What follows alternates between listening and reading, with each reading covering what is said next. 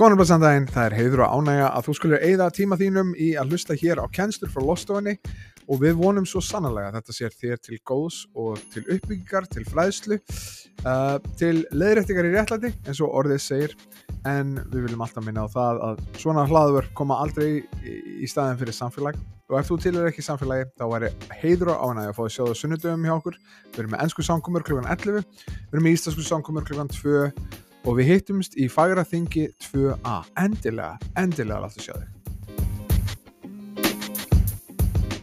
Ok, við skulum byggja og þá það var senast að íslenska samkoman á mjög um, erfiðu umræðefni uh, þannig að eitt af því sem gerðist þegar ég voru út á Spáni var að ég var að lesa frettir á Íslandi og ég var að býta í puttana ef ég vilja koma mér í ykkur vandræði og segja eitthvað. Eitt af því sem að gerðist var að út í bandaríkunum þá voru hann að lög sem gengur gegn, sem er áhugavert hvernig lög í bandaríkunum hafa áhrif á hvernig við hugsum og tölum um sem Íslandingar en þá voru allir að tala um, um fósturhefingar og mér langaði svo rosalega mikið að pæla í þú veist, í fyrsta lagi ég var að býða eftir að einhver myndi koma og koma í rauninni með hugmyndir og rauk frá biblilegu sjónum með þegar kemur að fósturhefingum út af því að á Íslandi skil ég vel, þá vil ég fá að tala um þetta margir skilja þannig að þú talar um þetta þá hataru fólk sem hefur gengið í gennum fóstureyðingar eða hvað sem er.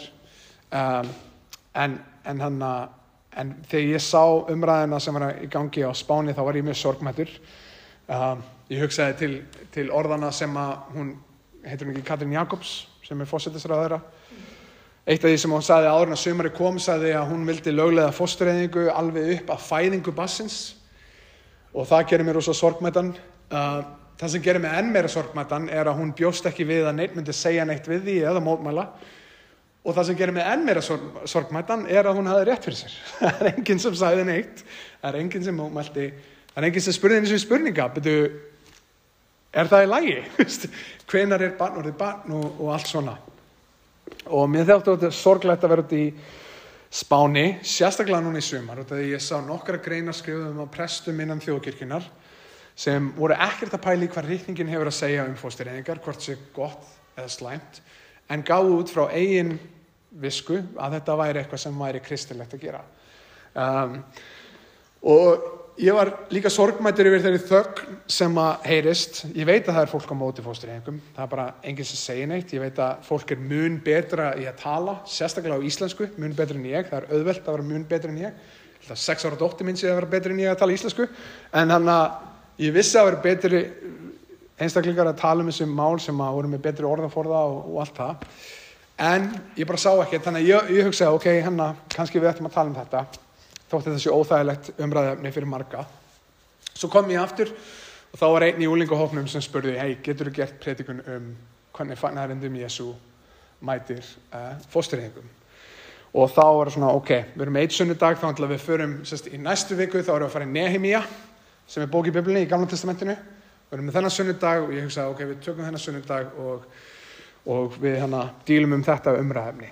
Og, en samt, eins og alltaf, þegar við erum að dvelja þessu. Ég vona að það hefur komið vel til, vel til skýra.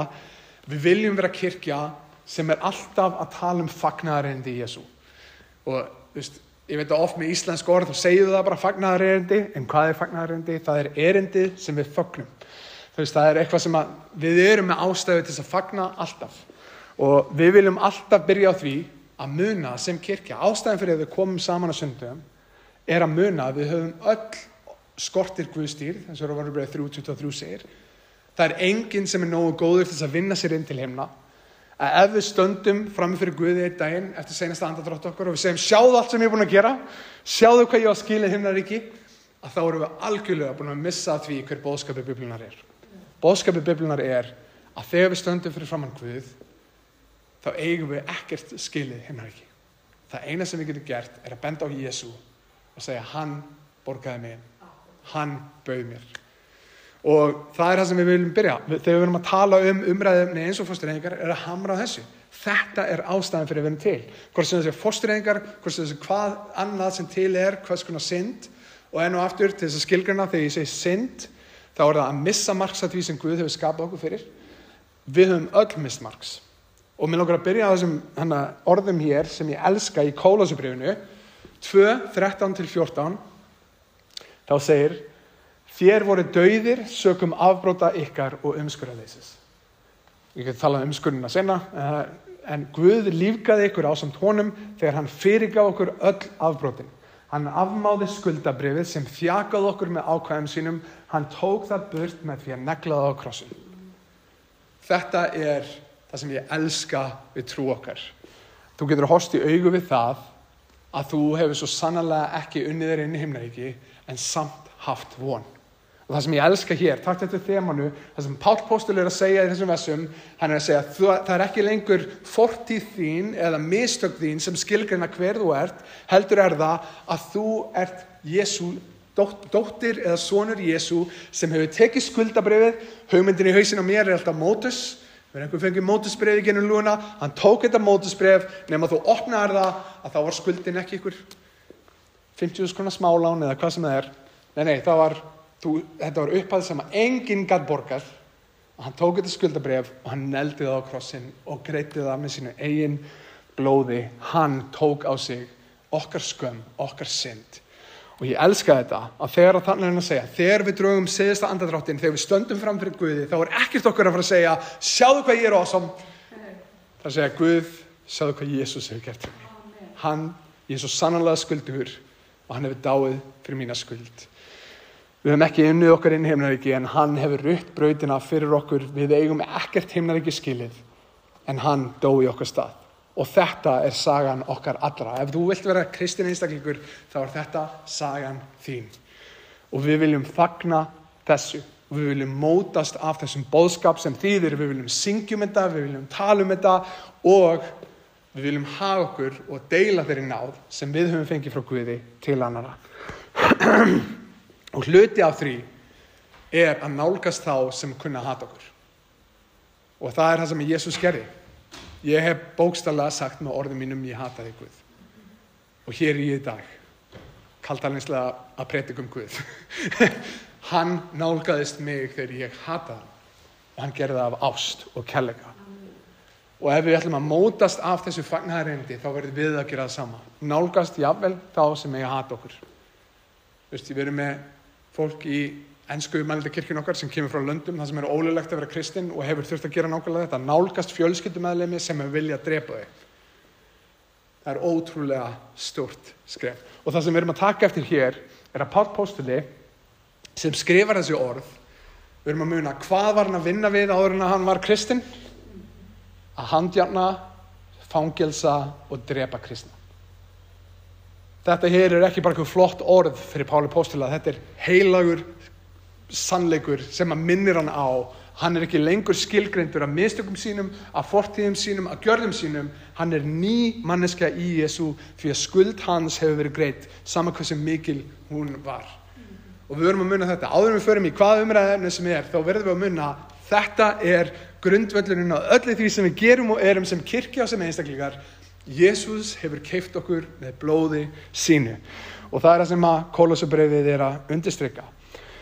Þannig að þegar það kemur að því að tala um erfitt umræðum eins og fóstureyðingar þá verður við að muna að þetta er viðfangsemni sem sumir muni hata því að ef Biblian hefur rétt fyrir sér þá muna því það að við höfum blett á bæði þjóð okkar og margir einstaklingar sem að hafa kannski verið sagt já þetta er bara Þetta er bara frumur sem vorst að fara að losa þig við og annaðins munuð þurfa að horfast í hug við, ok, var þetta manneskja með gildi, með framtíð og ég tók þátt í að binda enda á þetta líf.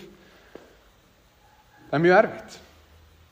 Til dæmis þegar ég byrjaði að pæli þessu, þegar ég byrjaði að skoða fóstureyðingar í Íslandi þá sá ég, þegar ég tók saman tölunar frá 1960 til 2018 sem voru senasta áriða sem við höfum tölur fyrir fóstureyðingar, þá voru 35.969 börnum eh, enda líf barna í móðukviði 35.969 þess að setja það í samengi þá eru 31.719 mann sem búa í Kópavói áhverjum núna.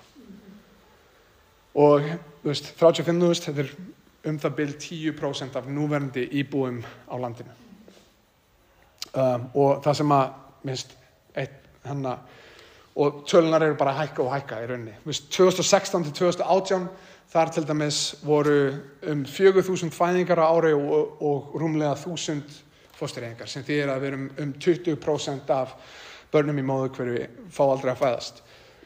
Og svo byrja ég, þú veist, ég vissi þetta ekki til dæmis með Ísland. Um, ég sá í Time Magazine sem var að skrifa um Ísland, þau sögðu þetta. Ísland var fyrsta vestranna þjóðin til að skapa það sem við getum nú lýst sem nútíma lögleðingastefnu stefnu fóstureyðinga. Sem með sett af skilurðum sem gerðu málsfer, málsferðina ekki ómögulega en ekki algjörlega stjórnlösa. Þannig að ég hafði ekki hugmyndum þetta að Ísland var einn af fyrstu þjóðunum á Vesturlöndum til að setja niður svona löglegu við fórstureyningar og mörg, mörg, marga þjóðir komið á eftir Íslandi og segði ok, við ætlum að löglega fórstureyningar eins, eins og Ísland. Skrítið hvað okkar, skrítið hvað okkar litla þjóð hefur mikil áhrif. Og enn og aftur, hvað þýðir þetta? Ef að Biblan hefur rétt fyrir sér um hvenar líf hefst og hvenar einstaklingur ber gildi og annað eins, að þá berum við sem þjóð þennan blætt og minnst ótrúlegt til dæmis eins og ef þú fer í fóstureyningu í dag þá þarf ekki að greiða neitt sem þýðir að ég er að greiða með, með, með sköttunum. Við erum að greiða, greiða fyrir fóstureyningar með sköttunum okkar. Og á persónulegu nótum ef Biblan er rétt þá munir marga konur sem hafa farið í gennum fóstureyningar og karlar sem hafa talað fyrir því að konunar myndi farið í fóstureyningar þurfa að horfast í augum með mjög erfiðan sannleika sem er var þetta mennst líf sem við vorum að enda. Svo ég held að við verum að spyrja okkur stóra spurninga þegar kemur að þessu umræðefni. Ætlum við að segja eitthvað yfir höfuð? Það er nú aftur, ég voru á spáni og ég var að hára á alla þessu umræði í þessu stað og ég sá að það var enginn að segja neitt til þess að mótmæla neinu. Jável þegar það var komið fram með fóstinniðingar eins og að mætti bara fram að fæðingu. Við erum að tala um, núna eru nokkri einstaklingar sem eru að reyna að berjast fyrir partial birth abortion sem þýðir að hausinn er komin út en krakkin er ekki farin að anda og það má ennþá stinga niður í mænuna og deyða barnið á leiðinni út í móðukvei. Og það er, og það er svo skrítið að það er engin að segja neitt við þessu. Og, og við erum að tala um hérna, eitt, eitt af því sem að mér langar bara kannski að nefna áður um við förum lengra Ég hef rosalega oft horta á að þetta sé eitt af svona hraðhindrum þegar kemur að tala um fagnarinn. Það er bara svona, ok, mér langar að tala við Jésu um eitthvað. Þegar þú frétta í sig Kristinn að þá er það, ó, ert það mótið þessu og hinnu og bla bla bla bla bla bla. Áhugavert við þetta er að það er eitt par hérna í kirkunni sem er í trúnni núna út af fóstriðingum. Ég hef alltaf horta á þetta sem eitthvað svona eitthvað sem stendur í vegi fyrir að fólk komi til trúar eða vilji hlusta á meira eða eitthvað sless.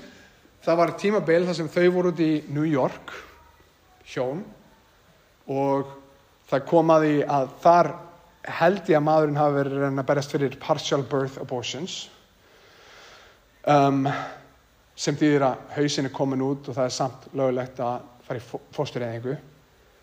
Um, og þá áttuðu þau sig á því, bara að byrja hvað er í gangi hver segir hvað er rétt og hvað er ránt veist, er, er ekki augljóst að þetta er, ekki, þetta er oflant gengið. En svo byrjuðu þau í sikkuru, hann að lægi á þess að tala við hvort annað. Að pæli í byrju já, hvernig finnum við úti hvað er rétt og hvað er ránt og allar þessar spurningar þeirra sem byrjuðu með fóstereyninga lögleðingum í, í New York fylki í bandreikunum auðvitað til þess að þau áttu þessu á því að við þurfum á Guði til þess að átt okkur á hvað er rétt og hvað er rann. Því að ef við tökum hann, hann út úr myndinni að þá endur við með að enginn getur sagt hvað er rétt og hvað er rann. Og þetta er eitthvað viðfóngsefni sem ég held að væri oftast að halda fólki frá trúni sem í þeirra, þeirra sögu dróðu aðtrúni. Og þetta áttu þessi á því að þetta er orðið of mikið. hver, hver sér ekki að það sé rann þegar hausin er komin út að drepa barnið? Getur við sagt að þetta séu bara frumur? Getur við, við sjáum það? En spurningin fyrir okkur er, hvað ætlum við að gera? Sem einstaklingar, sem kyrkja, ætlum við að segja eitthvað? Ætlum við að tala um þetta? Og ef svo er, hvernig ætlum við að tala um þetta? Og það er eitt af þeim mistökum sem ég gerði því ég var ungur í trúni, er að ég var aðalega að pæli því að vinna raukræður. Mér langaði að rýfast við fólk og mér langaði að það var augljóst að ég hafi rétt fyrir mér.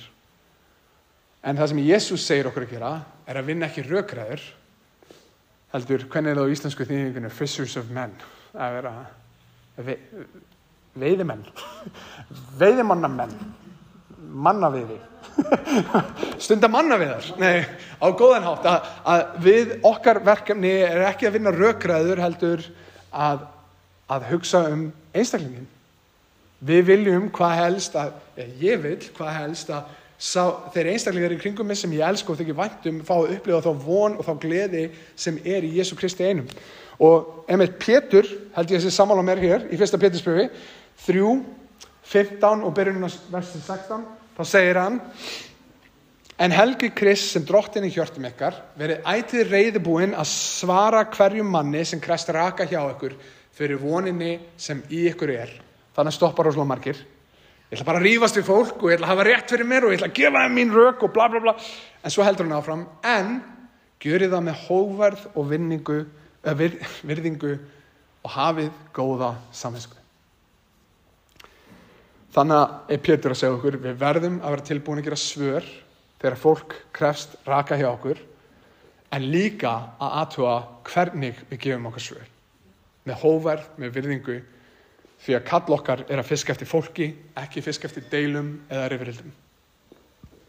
Einhver góður í því eins og ég, fiska eftir deilum og reyfrildum. Kona mín væri bara eitthvað, yes, Gunni, þú ert rosalega góður í. Nei. Svarið við því að takast á við fóstureyningar er ekkert endilega að gera lítið úr hvað fóstureyningar er. Og ég held að hér eru oftast það sem að fólk kannski, ok, ég er á móti fósturreyningum en mér langar ekki að fólk líði óþægilega. Ég er hér í dag út af því að Biblian var tilbúin að koma og segja Gunni, þú ert syndur. Og Biblian skafar ekkit af því. ég er bara syndur og ef að sagan endaði bara þar, þá var þetta mjög leiðileg og sad saga, ekki satt. En út af því að Biblian er tilbúin að skafa ekkit af því að við erum öll syndug, þá getum við haldið áfram að lesa og séð að þrátt fyrir að við séum syndug og skuldug, að þá erum við með frelsara sem hefur dáið fyrir okkar synd og okkar skuld. Þannig að þegar það kemur að tala um fóstyrningar, þá held ég að svarið sé alls ekki að gera lítið úr skelvingu syndarinnar en í ljósi alvarleika syndarinnar frekar að benda á Jésu. Það sem ég elskar við kólósubrifið er að ég ímynda mér að Pál Póstuli sé að hugsa um þá kristna einstaklinga sem hann fangilsaði og jável drap og jável tók þátt í að drepa og hann sé að hugsa skuldabrafið sem þjakaði mig með ákvæðum sínum hefur verið nelt á krossin. Paldi þessu orðalagi sem þjakaði mig með ákvæðum sínum. En svo skuldabrifið sé alltaf hérna að í aðanum að hann, hann sé morðingi og hann hafi drefið kirkju Krist og hann hafi verið að vinna á móti Kristi en hann er að minna sig á neina, hann tók þetta skuldabraf, skuldabrif sem þjakaði mig með ákvæðum sínum og hann neglir það á krossin. Þannig að bletturinn á okkur öllum er til staðar, ekki satt. Við erum öll með skuld, við erum öll með synd. Bletturinn á þjóð okkar þegar kemur að þessu viðfangsefni, fósturningum, er til staðar en í Jésu getur við þauðið okkur hrein. Syndin er til staðar en Jésu stó á krossunum til að taka á sig mína skömm og sektakent og vonleysi. Hann tekur syndina og hann neglur hann á krossun. Jésús stó ekki bara sem vittni, þrátt fyrir að hann vittnar um hversu kærleiksríkur og góður en samt að réttlátur Guð er. Hann dó ekki bara sem fyrirmynd fyrir okkur, þrátt fyrir að hann sé fyrirmyndin okkar. Ekki satt, við viljum ganga í fóðskref Jésú, við viljum endurspegla hann, við viljum láta aðra fá það náð sem við höfum sjálf fengið. En Jésús gerði sem við getum ekki gert. Það er að deyja sem syndafór í okkar stað. Þú getur ekki dáið fyrir annan einstakling. Ef að ég er að fara að deyja fyrir einhvers syndist, þá er það mínar. Ég er búin að synga nóg fyrir sjálf mig. Ef að ég er ekki saklaust, þá get ég ekki tekið á mig segt annara. Þetta þýðir ekki að við gerum lítið úr syndinni. Einu svona hugsaði svona, þú veist, þegar ég frétti, Jésús fyrir minni syndir, yeah, ég skal bara láta hann deyja bara á góðri ástæði, ég skal synga bara slatta. Og þetta var áður en ég kom til trúar. Eftir ég kom til trúar, þá gæti ég ekki hægt að hugsa um Guðminn, skapari og frelsari þjáðist á krossi fyrir mig. fyrir synd mína ég get ekki fengið mig til þess að daðra við þá synd sem að hann dó fyrir ég bara gata ekki lengur ég gata ekki lengur, þetta var svipað og þegar að, þú veist, þegar ég gifti mig. Áður en ég gifti mig þá var bara, ég var til í konu sem elskar bara að nutta mig og þjóna mér alltaf ég var ógeðslega sjálfselskur í hugsun þegar komaði hvernig konu ég vildi. Eftir, ég, það, það vesta er að það láti mig skrifa nú lista hvað ég vildi konu og ég fann hennar lista eftir ég gifti mig. Og Svafa fann hennar lista líka. En eitt af því sem áttaði mig á það þegar ég sá ekki svöfu og elskaði ekki svöfu og ég hugsaði bara um einhvern einstakling þá bara hugsaði ég um hvað get ég fengið frá þessum einstakling til þess að þjóna mér eins mikið og ég mögulega get. Þegar þú horfir í augun á einstakling sem þú elskar og ber virðingu fyrir þá er það allt annað mál. Ég horfi ekki á svöfu og bara hvað get ég mögulega krist úr þér í kvöld til þess að fá hennar mér þjónaði eitthvað svo leist og það svipað þú kemur til trúar allt í hennu þegar þú byrjar að hætta að pæli bara hugtökum og allt í hennu horfir á Krist á blóðugan kross. Og þú sér allt í hennu, nei, nei, nei, þetta er ekki bara tækifæri fyrir mig til að komast undan og synga eins mikið og ég get, nei, nei, nei, ég elska þennan mann, þennan Guð, minn drottin hvernig get ég þá farið að dara við þá synd sem að senda hann á krossin? Svo í ljósin náðar Guðs til okkar þá skulum við standa djárlega á sannleikunum og benda á hann. Skulum ekki gera lítið úr syndinni en heldur ekki bara stoppa þar heldur benda á Jésu. Og eitt af því sem að stóð upp úr fyrir mér þegar ég var að pæli þessu varandi, varandi fóstureyðingar og annað, þú veist, ámæri að vera að segja eitthvað, ámæri að gera eitthvað, það var hérna vers í orskvönum í 2004. kabla sem allt í hennu kom til huga þegar ég og kona mín vorum að horfa mynd um fóstureyðingar svakalega mynd með en þessi vest komu fram í myndinni það sem segir Láð þú hugfallast á, á neyðarinnar degi þá er máttur þinn lítill. Frelsaðu þá sem litir eru fram til lífláts og þyrm þeim sem ganga skjögrandi að högstoknum Segð þú, við vissum það að eigi Sá sem vegur hjörtun, hann verður sannlega var við það og sá sem vakir yfir sálið þinni, hann veit það og mun gjalda manni eftir verkum hans. Þannig er hann að segja, frelsaðu þá sem litir eru fram til lífláts og þyrm þeim sem ganga skjögrandi að högstoknum.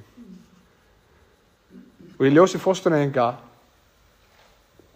þá finnst mér bara líka þungt á mér og ég held að Biblan gefi þau rauk að kirkjan eigi að vera rödd fyrir þá sem enga rödd hafa þegar það kemur að þessum umræðum.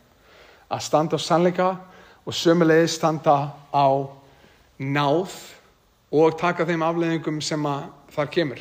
Það eru margir sem muni líklegast hata mig fyrir að segja eitthvað um þetta til dæmis.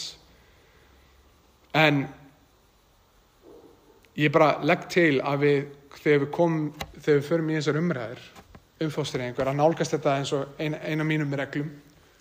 Og ég tók þetta út frá biblunni þegar Pál Postuli talar endalust um Tímotíðu sem svon sinn og annaðis og Bobby Oliveri sem ykkur þekki, hann, hann spurði mig pældi ég að við myndum nálgast samræður við fólk svona, bara eins og bókstallega svonur minn? Og eitt af því sem ég byrjaði að gera þegar ég átti erfið að samræði við fólk er að hugsa hvað myndi ég vilja ef að þetta væri Sigurós eftir 20 ár? Ef að Sigurós væri búin að fara aðeins af veginum. Og hún var að hætta að taka þátt í kirkjunni og hætta að hlýða á sannleik Guðs, hvað myndi ég vilja að einstaklingur að fórstöðumæður hennar eða kirkjumæðlumur myndi segja við Sigur Rós ef að ég var í dáin til dæmis? Og ekki bara hvað, heldur hvernig? Þannig ég spyr mig, myndi ég vilja að Sigur Rós væri 25 ára og hún var að lendi ykkur með erfileikum og væri komin í eitthvað skæting og fara á móti vilja Guðs, myndi ég vilja að einhver, enginn í kirkinu myndi segja neitt? Nei, ég myndi vilja að það myndi segja eitthvað. En hvernig myndi ég vilja að það myndi segja? Myndi ég vilja að koma bara að hamra á henni, þú ætti að yðrast og bla bla bla, eða þú veist, ég vildi svo sannlega að hún myndi heyra að hún ætti að yðrast og snúa sér til Krist, en það skiptir líka máli hvernig ég myndi segja ekki satt. En nú aftur það sem Pétur er að tala um, verið tilbúin ekki verið rauk fyrir voninni sem, ykkur, sem í ykkur er, en gerir það með hóvarð og virðingu. Og í mjög langa tíma að þá finnst mér umræðan um þetta hafa verið annarkvort kristnir segi ekki neitt við neinu, láta ekkert í sér heyra eða margir sem segja bara hér er sannleikurinn og mér er drullu saman um hvernig ég kem honum til skila, þetta er sannleikurinn, bara búm, bara bim, ég er farin, veist, eitthvað svona. Og það lítið um kelleg, lítið um hérna er náð Krist og annað eins, þannig að ég er að pæla okkur, hvað er það sem við getum gert, hvernig er það sem við getum talað um þetta umræðefni. Og, veist, já, og það er þrengt sem ég langar að draga fram. Fyrir að fyrsta, segir Biblian eitthvað um fóstureyðingar? Út af því að það voru margir, eða það voru þrýr prestar sem skrifuðu greinar í sumar í þjókirkjunni sem sögðu að Biblian sagði ekkert eða væri jáfnvel uh, að raukstuðja fóstureyðingar. Þannig að segir Biblian eitthvað um fóstureyðingar, hvort að líf í móðu hviði sé actually manneskja og sé líf. Númið tvö er eitthvað sem að kirkjusagan segir okkur um hvernig kirkjan í gennum aldinnar hefur, hefur hort á þetta viðfangsefni og Númið þrjú, hva, hvað segir raukhyggjan okkar og vísindi okkur um hvað er líf og hvenna það hefst? Í fyrsta lagi, þá langum við bara að undstöka að Biblian hef, gerir það frekar augljóst að, að líf hefst í móðakviði. Og því miður eru margir svo kallega prestar innan þjóðkirkjunar sem eru meira að pæli í að kýtla eirun á fólki heldur en að segja það sem Biblian segir og kannski segja frekar hvað þeim finnst um umræðinni en ef við pælum aðeins í til dæmis í annari Mósebókinni í 21. kabla þá er hérna uh, Móse komin og uh, þeir eru gefað lög fyrir Ísraelslið og þeir eru að pæla í alls konar alls konar hlutin sem er eigið sér stað hér í þessum messum þá eru að tala um tvo einstaklinga, kallmenn sem eru að rýfast og þeir eru að berjast og eitt slær ólétta konu og hvað verður úr því og lögin hérna, sérstaklega í vessi 23, þá kemur fram ef eitthvað gerist fyrir barnið í móðu kviði, hvort sem fæðist andvana eða kemur út fatlað eða hvað sem er út af þessum meðslum, að þá munir refsingin verða í Ísraela þessum tíma að einstaklingurinn mun sjálfur fá að ljóta þá refsingu sem að hann gaf barninu. Þannig að þannig var viðhóruð það að hann, ef að hann draf barn í móðu kviði, þá var hann að drepa barn í móðu kviði og þá var refsingin döði ef að gerði það verkum að blindaði barnið í móðukveri ég veit ekki hvernig þið fóru að þessu þá að blinda hann. Þau tóku það sem hann gerði við barnið og refsingin var svo sama.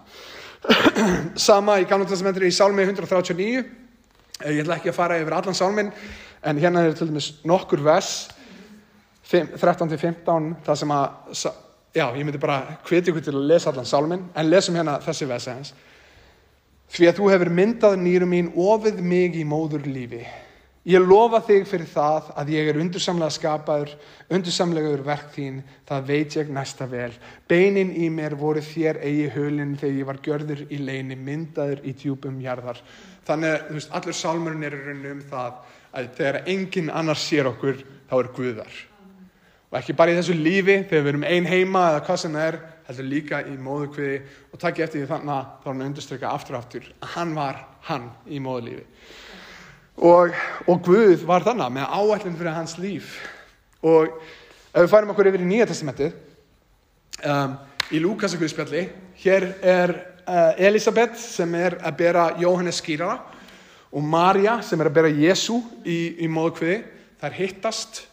Elisabeth fyllist heilu Amanda og það segir þannig barnið tók viðbrað í lífi hennar sem er móður, móður, móðurkviði hennar. Og þú getur sagt ok, þú veist hennar er bara rauk fyrir því að, að þetta er barn, það er að bregðast við hvað Guður er að gera og bla bla bla.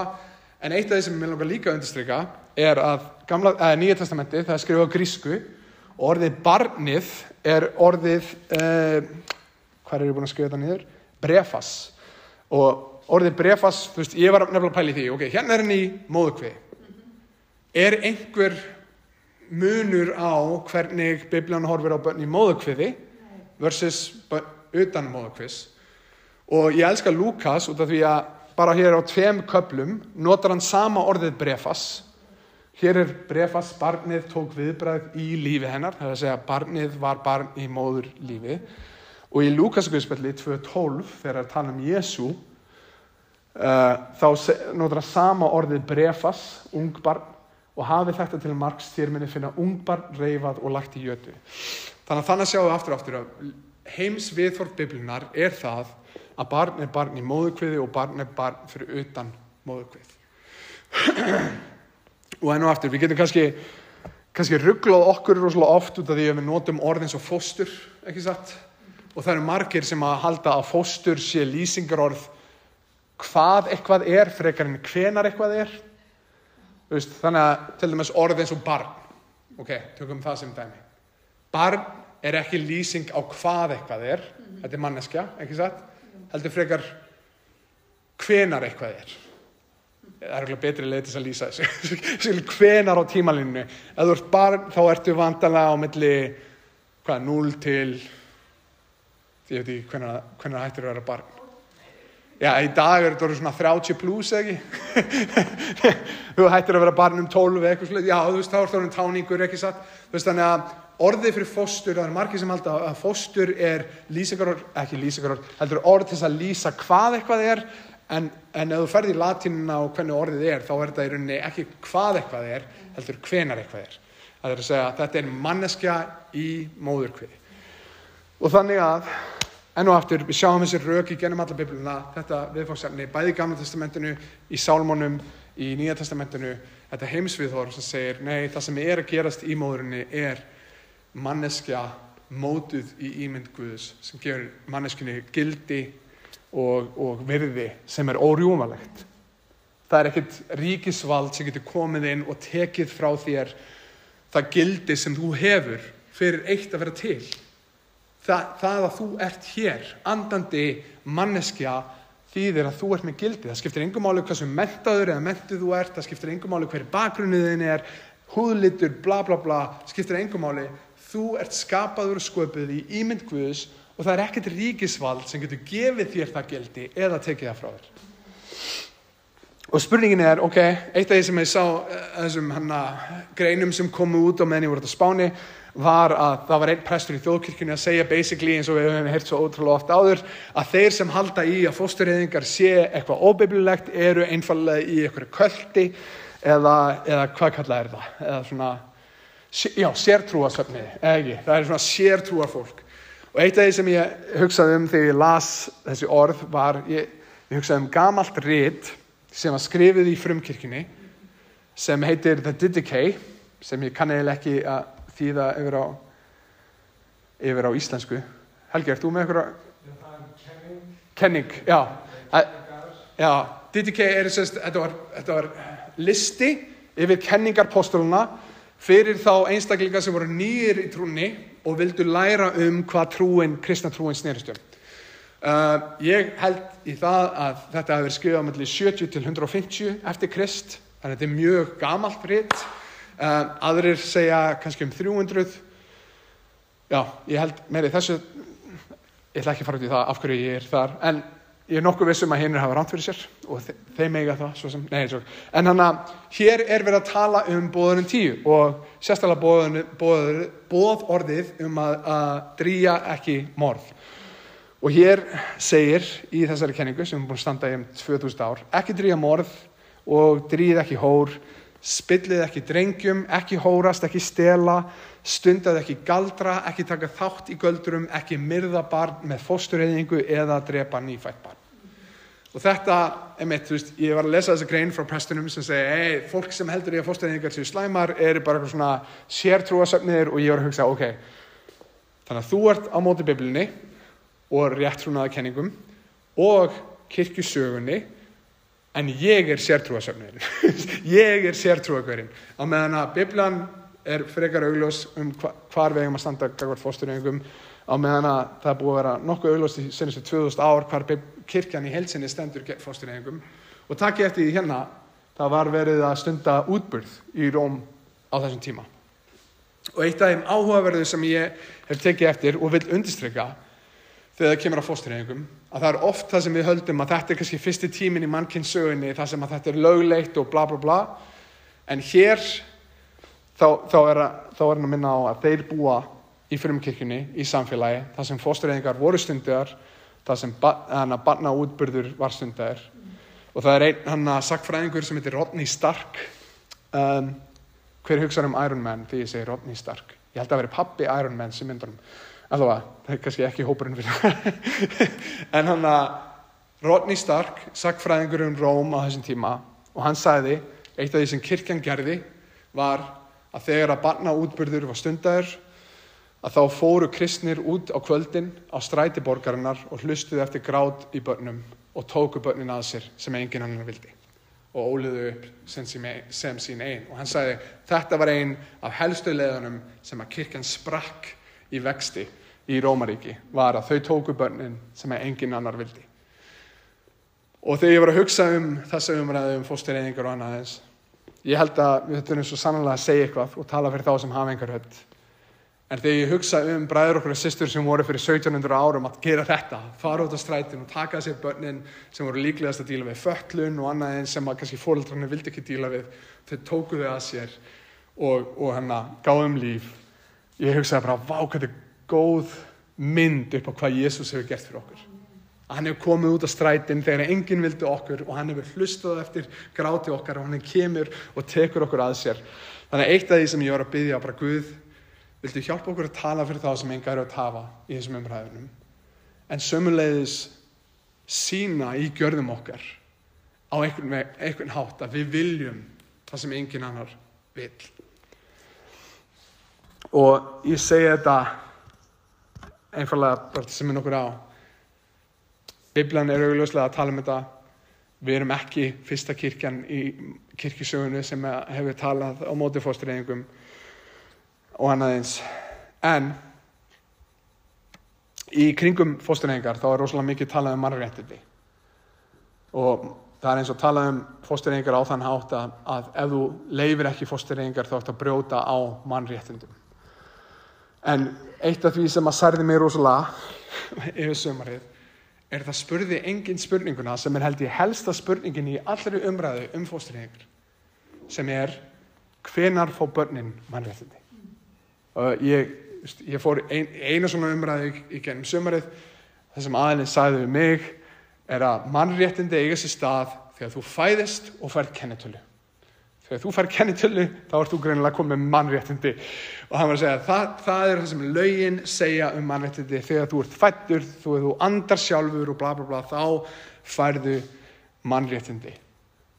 Og enn og aftur, þegar ég byrjaði að pæli þessu og ef þið ætlaði að fara út og ef þið ætlaði að tala um þetta umræðefni þá myndi ég undirstryka það að tala um hvenar börn fá mannréttindi. Paldi, þú veist, bara eins og þegar Salamónu var að fæðast ég man að við löpum ofta inn á, á fæðingadöld upp á spítalunum upp á þriðju hæð og þar er rísastór mynd af krökkum sem eru svona 7, 8, 9, 10 ára að halda mynd af sjálfum sér það sem eru fætt á 20 stannari viku og annaðis Og ég man að á þessum tíma þá verður verið að tala um að lögleiða fóstureyningar fram af 20. annari viku og hér var ég og hverjum degi að lappa fram hjá vegg þar sem var fullt af fólki fætt á þessum tíma. Og ég var að hugsa, ok, af hverju er enginn að spurja hvenar einstaklingurinn hefur mannréttindi og gildi sem er ekki hægt að taka frá hann? Af hverju er enginn að pæli þessu? Af hverju er enginn að spurja? Og þegar við breytum lögdgjöf frá að leifa fóstureyðingum upp á 16. viku og upp að 20. annari viku hvar á þessum tímarama byrjar barnið að hafa mannréttindi og af hverju og eitt af því sem við byrjar að taka eftir þegar við byrjar að skoða hvaðan mannréttindi koma að þá kemur það í ljós að það kemur upp frá biblilegu og kristnu sjónum með að mannréttindi er hugtak sem er bara til út af biblunni. Og það er biblan kemur einn og hún segir þú ert með gildi. Þú ert með virði. Þú ert með tilgang sem að engin annar gefið þér neða getur tekið frá þér. Þú fyrir það eitt að vera manneskja, skapaður og sköpuð í ímynd Guðs, ert með gildi og það gerir þig öðruvísi frá öllum öðrum skeppnum á jörðinni. Þú ert skapaður og sköpuð fyrir þann tilgang að endur spekla hver Guð er. Það, það er grundvöldur fyrir því sem við kallum mannréttindi. Af hverju getur þú ekki brotið á öðrum? Af því að þau eru sköpuð í ímynd Guðs. Af hverju getur þú ekki brotið á öðrum sem eru kannski ekki jafn hæfur og þú, svo lengi sem að þú fáur að, að halda áfram og sanka meira að þér og, og bla bla bla, af því að þessi manneskja, sama hversu mentuð eða ómentuð eða sama hversu heilbriður eða fötluð, sama hvað, Þessi manneskja er með réttindi sem Guð hefur gefið þeim, sem engin maður hefur rétt á að taka. þessi hugsun um hvað mannréttindi eru, eru er byggt á kristinni heimsviðhorfi og, og biblunni. Og hann að þegar við byrjum eins og við erum að byrjuð að gera í dag við erum búin að fjarlæga Guð úr jöfninni að þá byrjar allt heimsviðhorfið í rauninni að, að rinja af hverju uh, til dæmis af hverju erum við með mannréttindi? Ef við erum bara annað dýr og það er engin guð, það er engin tilgangur af hverju má ég ekki drepa aðra til þess að ná fram mínu. Ef ég er bara með 70 ár, 80 ár hér á jörð af hverju má ég ekki nota aðra ef ég vil ef ég get, ef ég er sterkar en þeir og betri en þeir, af hverju má ég ekki nýta mér þá, trafkað niður á þeim svo ég geti aflað með meira átt meira, gert meira? Ljónin gera þetta. Aparnir gera þetta ok, við erum ekki sama á ljón og apar Vist, við erum floknari og við erum með tilfinningar, meiri tilfinningar og bla bla bla en ég meina við erum samt bara annað dýr. Af hverju má ég ekki gera eins og aparnir og ef það er satt að þeir hæfustu lifa af og það er engin tilgangur, það er engin guð hvers vegna eigum við að sjá um fátæka hvers vegna eigum við að sjá um örkja hvers vegna á ég að sjá um Salamón fallaða strákinu þegar ég segi þetta þá finnum við öll hvað þetta er óþægilegt. Við vitum öll, við eigum að sjá um þá sem eru minnað með þessi við eigum að sjá um örkja við eigum að sjá um fallaða en málið er það sem við erum búin að gera Við erum búin að byggja heimsviðhorf sem segir að það er eitthvað sem heitir mannréttindi sem gefur öllum gildi en við erum búin að taka út jöfnuna sem segir afhverju. Og þú getur sagt við fólk, eigum við að sjá um þá sem minna mega sinn, eigum við að sjá um öryggi á annaðins og þeir mun allir segja já, við eigum að gera þetta, þeir geta ekki sagt þér afhverju. Afhverju eigum við að gera þetta? Erum við ekki bara annað dýr? Afhverju? Og ef þú heldur þið við þau rauk að út af því að laugin segja mér að gera var það þá í lægi það sem að til dæmis bandarækjumenn gerði þegar þau heldur þræla? Var það í lægi það sem nazistar gerði þegar þau drápu geðinga? Út af því að laugin leði það. Laugin eru sköpuð ekki til þess að búa til siðferði, heldur til þess að endurspegla hvert siðferði er. Ekki satt. Getur, það skiptir ekki máli hvað laugin segja ef það er á móti siðferði Guðus þá er það vond. Og aðra fólk hoppar inn og segja já já þú bara trúar vitleis ykkur brjálæðingur að fröngu hugmyndið þinnar eru aðra á annað eins. Ef við færum okkur bara yfir í vísindin, bara yfir í raukhugsun og segjum ok, hvenar byrja líf, vísindilega, hvenar byrja líf? Ef við myndum senda ykkur til Mars okkur núna og þeir myndum finna til dæmis bara erðamengi, DNA, þau myndum koma tilbaka þá eru fögnuður og allir í örinni út af því að þau fundu líf á Mars, ekki satt? En við getum ekki sagt það sama ef það er í móðukvið. En og eftir, pælum í hvað Biblan segir, hvað kirkjusagan segir, hvað vísindin og hugsun segja, ef við ætlum að vera bara algjörlega vísindulega með þetta, það bendir allt á það að það sem við erum að gera þegar kemur að fóstureyðingum 35.969 líf frá 1960 til 2018 er að binda enda á manneskur, á líf þeirra sem eru með gildi sem er órjúanlegt og við hefum ekki rétt á að taka lög veita þeim ekki mannréttindi. Það er Guð. Og þegar að fólk best fyrir fóstureyðingum þá langum við að fara yfir hér fjóra hluti sem eru rosalega algengir að segja. Sem er segja, já sérðu stærð barnsinn samt. Hvernig getur þetta haft mannréttindi ef það er ekki, ef það er svona lítið? En enn og aftur ef við byrjum að pæla í öllum þessum rökum hérna og við byrjum að pæla í virkar þetta þegar við færum okkur út fyrir, fyrir móðukveðin til dæmis til dæmis hann að til dæmis fyrir Katrín Jakobs sem er að segja hei við ættum að leifa fóstureyðingar fram af fæðingu ok, þannig að segjum sem svo að fóstureyðing sé eiga sér stað 40 mínúti fyrir fæðingu. Er það virkilega mannréttindi batsins bundi við stærðas ef það skiptir einhver máli á stærðinni 40 mínútum frá eða til? Eða að hafa ungbörn og börn og úlingar minni mannréttindi vegna þess að þau eru minni en fullornir Svo er þetta að fara yfir í þroskastig, margir segja þetta, börnin í móðukviði eru svo sannlega minna þroskuð, enn og enn og aftur. Þegar ég hugsa um þetta, þegar ég hugsa um margar af þessu spurningum sem fólk hendur út og segir þetta er ástæðan fyrir umhverlega fóstarengar, þá hugsa ég um mín eigin, eigin konu og mín börn. Þannig að núna til dæmis Salomón með undir þroskaðan heila á fimm mismundu stöðum. Hefur hann minni mannréttindi út af því að hann er minni þroskaður heldur en ég? Eða, eða til dæmis þetta, eitt af því sem ég var að komast sem að útskýri margt. Vissu þið til dæmis að hann að heilin á fólki er ekki full þroskaður fyrir 25-27 ára? Vissu þetta? Þetta útskýri mjög mikla hefðun mína 20, 25 ára og veist, heilin á fólki er ekki full þroskaður fyrir 25 ára. Þýðir það að þeir sem eru yngri en 25 ára sem er skertar í mannréttindi heldur en hinn sem er eldri?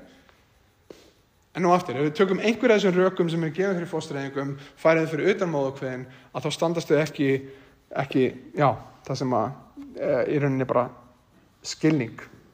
Umhverfi, það er að segja, já, út, út af því að barnið er í móðukveði, þá hefur það ekki mannréttindi, en nú aftur er kafarið með minni mannréttindi heldur en einhverju sem er að kera bíl eða einhverju flugvel, hefur umhverfi einhver tíman áhrif á okkar gildi eða mannréttindi, en nú aftur, það virkar ekki þannig og svo er það oftast sem er oftast talað um sem er ósjálfstæði bassins sem er talað um barnið getur ekki lifað án líkama móðurinnar þannig að það er hún sem ákveður hvernig líf þess, hvort að það endi eða haldi áfram. Og enn og aftur ef við færum þetta frutan móðukveðin ég er búin að eignast fjögur börn núna. Og ég skal segja ykkur það að ósjálfstæði þeirra hættir ekki þegar það mætir að sveið það kúkar á sig og það bara býst við að einhver skeini henn. það er ekki að fara að borga leigu. Já, tíu ára strák, elsti okkar er tíu ára, hann er ekki ennþá byrjað að borga leigu. Það er alls konar hlutir sem að þurfa að halda. Þeir eru ekki, ós, þeir eru, þeir eru ekki bara með sjálfstæði þegar þau koma út. Get ekki eins og haldið haus þegar þau koma út. Þannig að, ennum aftur, ef við færum þessa lókík fyrir utan basmáðurina, make it sense, og þess að við sjáum aftur og aftur og aftur að rökin fyrir fóstureyngum standast ekki scrutiny, hvað sem það er á íslensku, uh, raunir. Ef einhver spyr spurninga þá stendst það ekki, þessi lógík virkar ekki. Og mér er svo skrítið að vera á þessum stað sem samfélag, sem þjóð, það sem við segjum, ok, við veitum kannski ekki nákvæmlega hvena manneskja fær mannréttindi en við ætlum bara samt að taka sjansinn. Svona, hvenar í mannkynns sögunni hefur við hugsað að þennan máta? Og ég er að spyrja sjálf mig, þú veist, erum við nógu hugreik sem samfélag til að sjá hlutina biblilega, sjá það rökrétt, sjá það jável vísendilega? Erum við nógu hugreik sem kirkja til að sjá það þannig? Og það því að veist, við búum í samfélagi sem eru bara ótrúlega mikið að fólki á hvort annað. Minn líka mig, mitt val! Ef ég fer til dæmis og nota minn líka maður til þess að slá aðra, svo er ég dreigin fyrir fram á domstóla og ég segi minn líka mig, mitt val! Hvað ætlir dómarum muni segja? Nei, Þú mátt ekki nota þinn líkama til þess að til þess að slá aðra, til þess að refsa öðrum, til þess að meiða aðra og það er nákvæmlega það sem við erum að tala um. Það er ótrúlega mikið að fólki að öskra alls konar stuttarsetningar sem hljóma kannski vel, hljóma raugréttar þanga til að við byrjum raunverulega að spyrja spurninga og segja make it a sense. Erum við komin á langt sem samfélag? Er engin að pæli í hvenar mannréttindi og hvaðan þau koma og hvenar þau byrja og veist, hvað er að? Það er bara fullt af fólki að öskra. Og svo er, þú veist, eitt af því sem ég er búin að taka þetta eftir, það er ótrúlega margir búin að segja mér, Gunni, þú, þið, bara, þið langar bara að fæðast. Svo er þetta drullu sama um börnin eftir, eftir fæðingu. Þú gefið þeim ekki að borða, þú gefið þeim ekki mentun, þú gefið þeim ekki gott líf, þú gefið þeim ekki kellega og bla bla bla. Af hverju að koma með barn inn í þennan heim sem verður ekki elskað, sem er ekki með móður, sem er ekki með pappa, jável sem eru kannski föllið og annað eins af hverju að láta barnið ganga í gennum þetta og einu aftur ef við færum okkur aftur bara í að spurja basic spurninga. Það sem ég heyri þegar fólk segir þetta er að ég heyri af hverju lefði konan svöfu að lifa? Sýst, ég á konu sem er ættleitt ég er æfinlega þakklátið fyrir konu sem ég hef aldrei hitt sem fættan út í Kosta Ríka Og þegar ég heyri fólk segja af hverju ættum við að leifa fólki að koma inn í heim þar sem er ekki með pappa og mömmu og er ekki elskað og við veitum ekkert hvernig framtíð er að verður þá hugsa ég, já af hverju drápu við ekki bara sögu árunum fættast Þetta er ekki bara, þú veist, hugsum rökrétt um hlutina. En og aftur, þegar fólk segir um mig, af hverju ættum við að leiða fötluðum einstaklingum að fæðast í þjáning og bla bla, þá hugsa ég um Mikael og Salamón, sem eru sinni mínir, sem eru fallaðir. Og ég veit að ef fólk myndi horfast í augu við Salamón og seg, sjá hann, þá myndi það aldrei segja, já, hann, þú veist, það væri betra ef hann væri dáin okkur núna. Myndi aldrei segja það. En enn og aftur, þegar við tölum um fóstureyðingar, það er ótrúlega ofta sem að bara já, visku er hendið úr gluggan raukar eftir hugsunir er hendið úr gluggan slagir þið tekinn fyrir hrópað, alls konar mismundi orð sem að svo að endunum hafa engan raukstunning fyrir sér Og eitt af því sem ég hugsa um er til dæmis þegar fólk segir hei, þú, þú ert ekki að fara að menta þetta fólk, þú ert ekki að fara að sjá um þetta fólk, þú ert ekki búin að glíma með alla spurningarnir kringum þetta og ég segi það er alveg rétt. Kirkjan er að gera slatta í kringum allan heim til þess að taka inn, veist, taka inn krakka og annað eins og taka inn börn og sjá fyrir þessu en við getum gert meira. En þegar ég heyri fólk segja, Gunni, þegiðu, hætt að tala um þetta út af því að þú veist ekkert hvað það tala um, þú veist ekkert hvað afleðingar þetta hefur á börnin, það hugsa ég rosalega oft um George Washington í bandarækjum og mér langar að enda þessu árin ég les vessin aftur. George Washington hann var sagt, eina af þessum frumkvönum í bandaríkanum hann var að díla rosalega við það hvort að það væri rétt og siðferðslega rétt að eiga þræla. Og hann endaði með því að sleppa hann leiði þeim ekki að vera frjálsum hann beigði þá til að hann og kólun hans væri dáin og þá fengu við frelsi sitt. En eitt af því sem hjælt aftur að því að hann veitti þrælunum sínu frelsi var að hann gæti ekki svara spurningunni hvernig efnahagskerfi bandaríkjana myndi virka ef það var ekki þrælar. Þannig að hans rauk voru, ég veit ekki hvernig efnahagskerfi bandaríkjana myndi virka, ég hef ekki með svar, svör við öllum spurningum, þannig að ég ætla að sleppa því að gera það sem ég held að sé rétt, út af því ég get ekki svara öllum spurningum. Og það eru margir einstakleikar sem muni segja, ef þú hefur ekki svör við öllum spurningunum, þá skal þið þegja hann til fósturhengar og ég segi nei.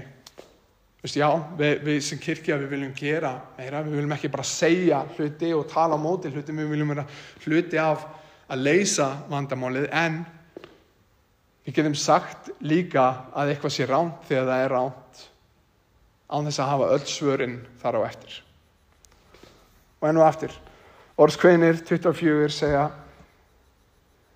frelsa þá sem leittir eru fram til lífláts og þyrm þeim sem ganga skjögrandi að högstoknum. Ég tel að vera skilda mín og skilda okkar að tala fyrir þá sem hafa enga rödd og berjast fyrir aðra. Já, vel að það kostar okkur virðingu, stöðu, vináttur, vinsældir, hvað sem er. Út af því að það er nákvæmlega það sem Kristur hefur gert fyrir okkur. Hann hefur talað fyrir okkur þegar við áttum enga rödd og við áttum ekkert gildi Hann barðist fyrir okkur, tók okkur inn og hann aðeins. Og allt þetta stafar auðvitað samfélagi sem er kannski vanist í. Vanist að takast ekki á við afleggingar og hann aðeins. Og ég gerir mér fulla grein fyrir því að ég geti verið að tala við einhver, kannski er einhver sem hlustar á þetta sem hefur gengið í genið fóstureyðinga. Tekið þátt í, kannski verið sagt, bara, þetta er bara frumur sem þú ert að skafa út og bla bla bla. Kannski eru aðrir sem að hlusta á þetta einhverju kallmenn sem að sem hafa kannski verið í að hvetja fram áfram fóstureyningar og annað eins en mér langar að við minnum okkur á að þegar við tölum um þetta þá svarið ekki að hunsa þetta eða gera lítið úr þessu heldur frekar að sjá sannleikan sem syndin er en á samamóti minn okkur á ástæðina fyrir við höfum öll von.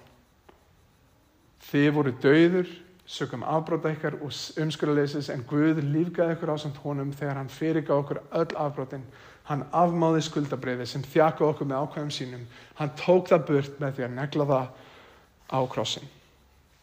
Og þannig að ef þú ert hér inni þá langum við bara að setja þess að fram þess að aðgerðir. Ef þú vilt gera eitthvað í þessu ertu til í að tala fyrir þá sem yngur að tafa ert þú í stöðu til að taka inn fóstubörn eða ætlega um Ef þú ert ekki í þeirri stöðu getur þú beðið fyrir fólki sem er tilbúið að taka inn fósturbörn og ætlaða eða ég vil gefa þeim pening. Eitt af því sem ég og Svafin erum búin að skoða ætlaðingar. Vitið hvað kostar að ætlaða á Íslandi? fjórar til fimm miljónir að ætlaða eitt barn ótrúlega skrítið, það eru börn sem þurfa á heimilum að halda út um allan heim og það kostar fjórar til fimm miljónir til þess að gefa þeim heimili ótrúlega skrítið, þannig að kannski ert þú hér inni ok, ég get ekki ætlaðið, ég get ekki tekið einn fóstubörn, en ég er tilbúin að byggja fyrir ykkur um ég er tilbúin að passa fyrir þau, ég er tilbúin að gefa þeim pening og hjálpa þeim að komast ekki inn í ferlið og annað eins. Og kannski er einhverjum inni sem vil búið til samtök. Eitt af því sem að pappi gaf mér eitt af þessum fjalli á pappirum sem hann gaf mér var, var einu sinni samtök sem hétt Lífsvon mannstu hvað það hétt? Lífsvon. Og með meðlum að skráða upp á okkar þúsund manns. Og ég var bara að hugsa bara, menn og þegar eitt af því sem ég var til að sjá væri til að sjá kirkuna tilbúin að segja eitthvað þegar kemur að fóstureyðingum en líka tilbúin að segja við konur sem halda fóstureyðingar sé eina leiðin áfram, segja hei, við erum tilbúin að koma við erum tilbúin að passa, við erum tilbúin að hjálpa þið með mat, við erum tilbúin að hjálpa með föt og, og svo framvegis. Þannig að ef það er einhver sem hefur hjarta fyrir þessu þá var ég ótrúlega til ég að vera vindur í seglunum og hvetja fólk áfram en já skulum enda þetta þar. Þetta er svolítið löng predikunni í dag, svolítið mikið efni sem að við þurfum að fara í gennum en ég vona að ef, ef við lendum í umræðum um þetta þá getum við hugsað biblilegum hlutina hugsað um það í, í sakfræðilegu samengi og sömulegis hugsað um það bara rökrétt og vísindilega og spyrja hei, af hverju er enginn að tala fyrir þá sem að enga rödd hafa?